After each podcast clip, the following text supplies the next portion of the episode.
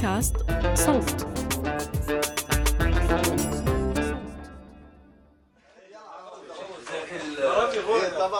الكويت أواخر سنة 1990 مجموعة أصدقاء في جلسة موسيقية عود إيقاع وغناء جماعي.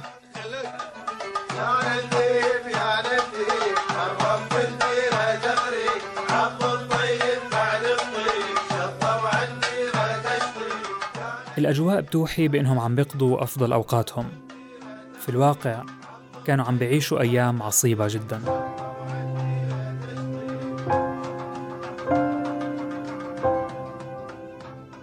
مر حوالي خمس أشهر على الغزو العراقي بقيادة صدام حسين أو الذيب زي ما بتوصفه الأغنية.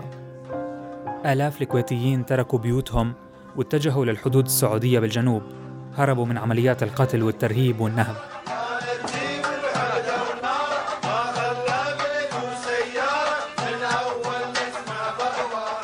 مجموعة هالأصدقاء ومن حولهم أطفال عم بغنوا بالسر بغنوا عن السرقات التخريب عن التكافل والصمود. حي التراب اللي رفض كل احتلال حي الشباب اللي انتفض باسم النضال. بمجرد نظمهم وتلحينهم لهاي الكلمات بيحكموا على أنفسهم بالسجن أو الإعدام على يد قوات الغزو العراقي. أشرطة الأغاني توزعت ورددها الكويتيين. لكن بعد أسبوع تقريبا من الجلسة وصلت المخابرات العراقية لأسماء وأماكن المشاركين فيها وكان من بينهم كاتب الكلمات الشاعر فائق عبد الجليل. مع انسحاب القوات العراقية من الكويت في نهاية الغزو كان عبد الجليل واحد من 600 أسير كويتي اقتيدوا للعراق قتلوا ودفنوا في مقابر جماعية بعضهم مفقود لليوم.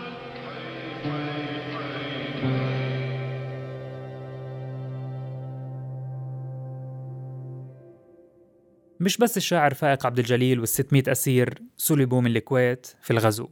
في عشرات الآلاف من الوثائق والكتب والقطع الأثرية اللي نهبتها القوات العراقية من المؤسسات الثقافية والرسمية. صحيح عم ترجع بالتدريج زي ما بترجع رفات الأسرى لكن البحث عن المفقودات وتجميعها داخل العراق هو عملية معقدة نظرا إلى أنها تشتتت بين المحافظات أو بيعت سابقا واستفاد من ثمنها ضباط الجيش ورجال الدولة أو إنها مكومة في مخازنها بدون إدراك لأهميتها. هذا بودكاست المستجد. أنا محمود الخواجة. في أواخر شهر آذار مارس الماضي تسلمت الكويت دفعة ثالثة من أرشيفها الوطني وممتلكاتها اللي سرقت في الغزو العراقي قبل 30 سنة. الحكومة العراقية سلمتها للكويت بحضور ممثل عن الأمم المتحدة. حوالي 8 أطنان من الممتلكات ما بين كتب وأرشيفات لكليات ومعاهد والكثير من أشرطة الفيديو اللي بتعود لوزارة الإعلام وغيرها. بحلقة اليوم نحكي عن السياق اللي نهب فيه هذا الأرشيف أهميته والتدرج في إعادته للكويت. ما طلعت أخبار الدفعة الثالثة من الأرشيف إلا الكويتيين بيتفاعلوا مع الخبر من جديد. على تويتر قرأنا تغريدات لمستخدمين بيطالبوا فيها باستعادة مقتنياتهم العائلية. تغريدات على غرار شماغ أبوي كان توا شاريه من السوق وللحين بخاطره. رجعوه. وطالب بإرجاع سيارة يدي التويوتا. لونها كحلي. تم الاستيلاء عليها أيام الغزو.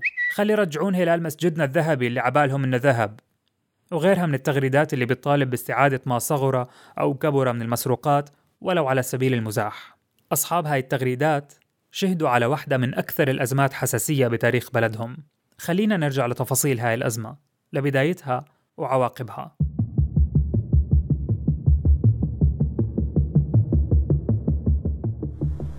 ناشد الأحرار من أبناء الكويت العزيزة القيادة في العراق لتقديم الدعم والمساندة تلفزيون الجمهورية العراقية.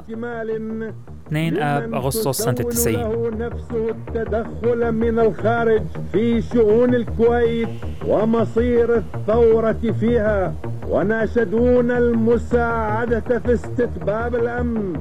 البيان الرسمي لغزو الكويت يذاع بدلا من فقرة الأطفال الصباحية. بيدعي حدوث ثورة بيقودها الأحرار الساعين لتقويض النظام الكويتي الخائن الضالع في المخططات الصهيونية والأجنبية. الأحرار اللي بيدعوا النظام العراقي للتدخل والدعم حسب الرواية العراقية. البيان بيصدم الكويتيين والعراقيين على حد سواء. في ساعات الفجر قبل بث البيان بيدخل حوالي 100 ألف جندي عراقي برا وجوا للكويت. الأحداث بتتسارع. خلال يومين تمتد العملية العسكرية لكامل تراب البلد. تتشكل حركة مقاومة من المتطوعين لمساندة الجيش الكويتي قليل العدة والعدد. العراق بشكل حكومة صورية عميلة من عدد قليل من الشخصيات العسكرية الكويتية. إن حكومة الكويت الحرة المؤقتة تعلن تسلمها زمام الأمور خصوصا مع مغادرة الأمير جابر الأحمد الصباح للسعودية للحفاظ على حياته ومكانته كحاكم شرعي.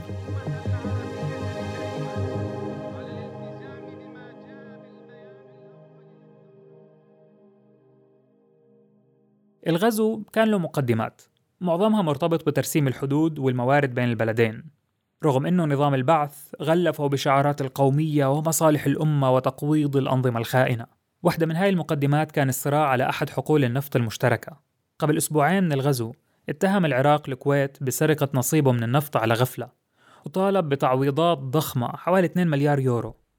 غير هيك في أواخر الثمانينات كان النظام العراقي مثقل بالديون وبيعاني من وضع اقتصادي سيء. كان طالع من الحرب مع إيران اللي دعمته فيها الكويت ودول خليجية أخرى ليحط حد للتهديد الإيراني في المنطقة. لاحقا رفع أسعار النفط لسد العجز بينما الكويت خفضت أسعاره. فالعراق اعتبرها مؤامرة لإسقاطه.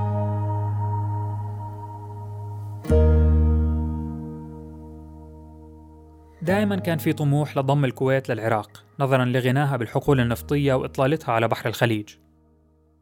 فعلا بعد أسبوع واحد من الغزو أعلن النظام العراقي عن ضم الكويت بالكامل وعلى نحو لا رجعة فيه.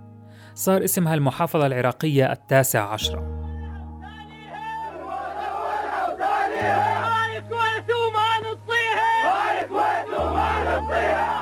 هتاف الجنود العراقيين بحضور صدام حسين.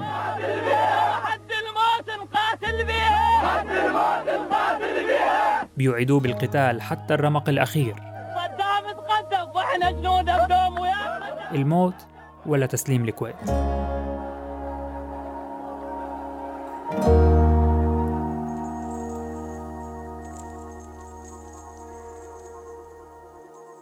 خلال الغزو تم الاستيلاء على محتويات الجامعات، المطابع والأرشيف الوطني.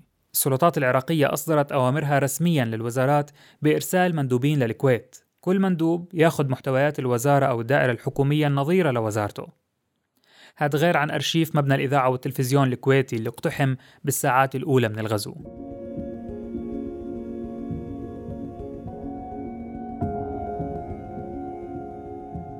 هون إحنا بنحكي عن الممتلكات اللي صودرت بأوامر رسمية عراقية. بينما اللي نهب بمبادرات شخصية من الضباط العراقيين والجنود كان أكبر بكتير. شهادات الكويتيين بتأكد إنه السرقات كانت عشوائية كانت فاحشة.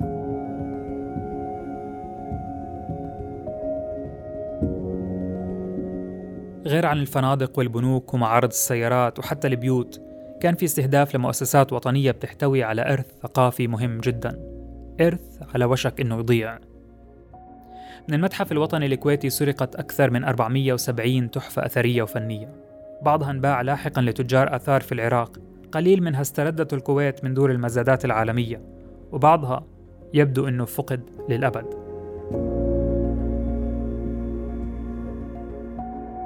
الأوراق التاريخية زي المعاهدات الموقعة في القرن العشرين وثائق الديوان الأميري وغيرها من أوراق الأرشيف الوطني. إحنا بنحكي عن وثائق أدى فقدانها العبثي لمشكلة عند الباحثين لما يدونوا تاريخ الكويت وكأنه صار في فجوة في هالتاريخ. لكن في وسط كل هالفوضى وضياع المقتنيات الثمينة في متحف كويتي خاص كان على وشك النهب لولا سرعة تصرف العائلة المسؤولة عنه.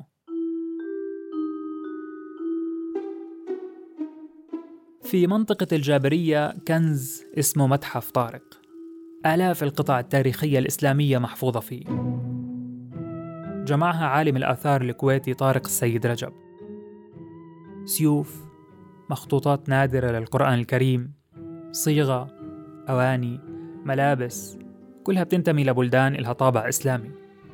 يعني محتوى غني جدا.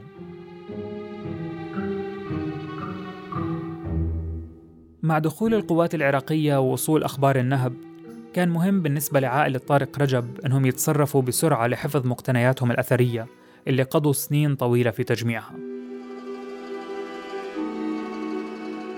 في بيت العائلة كان في باب بيودي على المتحف. أول إشي خطر لزوجة طارق إنها تتصل بالنجار وتطلب منه يغطي الباب بجدار خشب. جدار يخفي ما وراءه. بيوم من آخر أيام الغزو توصل قوة من الجنود العراقيين لتفتيش البيت.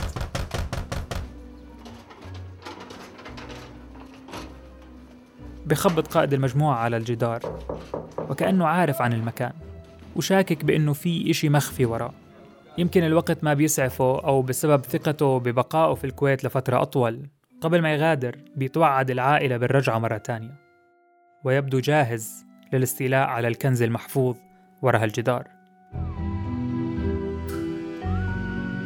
لحسن الحظ كان الغزو العراقي في نهايته ومتحف طارق نجا بأعجوبة من النهب.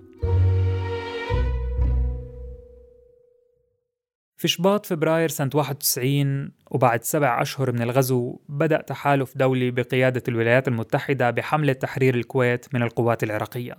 كانت المملكة العربية السعودية من أبرز الدول المشاركة. صحيح انسحب العراق من الكويت ولكن دخول التحالف كان بداية لنفوذ أمريكي عسكري في المنطقة العربية والخليج بشكل خاص. كان بداية لمرحلة جديدة رح يدفع ثمنها العراقيين العراقيين من الشعب المتورط في حرب مش حربه. بالوقت اللي الكويت خسرت مليارات الدولارات من خزينتها انفرض حصار دولي اقتصادي خانق طوال سنوات التسعينات على العراق. أدى لآثار مدمرة على الشعب من جوع ونقص دواء وسوء تغذية وتدهور كبير في الوضع الاقتصادي. انتهى أخيرا بغزو العراق لإنهاء حكم صدام حسين سنة 2003 سقطت بغداد ودخلت البلد بدوامة لا متناهية من الصراع.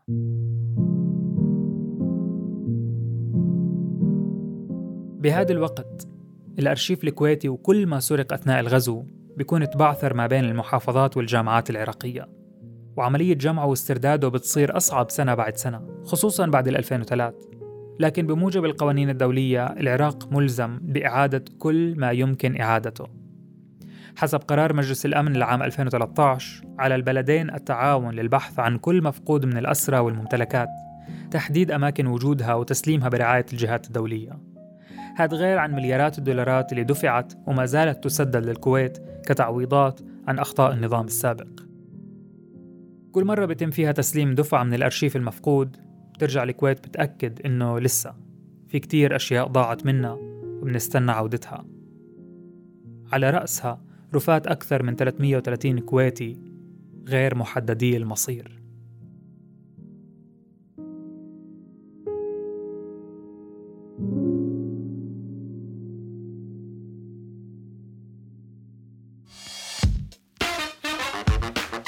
بودكاست المستجد من إنتاج صوت. كنت معكم محمود الخواجة من الكتابة والتقديم والمونتاج روان نخلة من البحث والتحرير مرام النبالي في النشر. ما تنسوا تشتركوا بقنوات المستجد محل ما بتسمعوا بودكاست.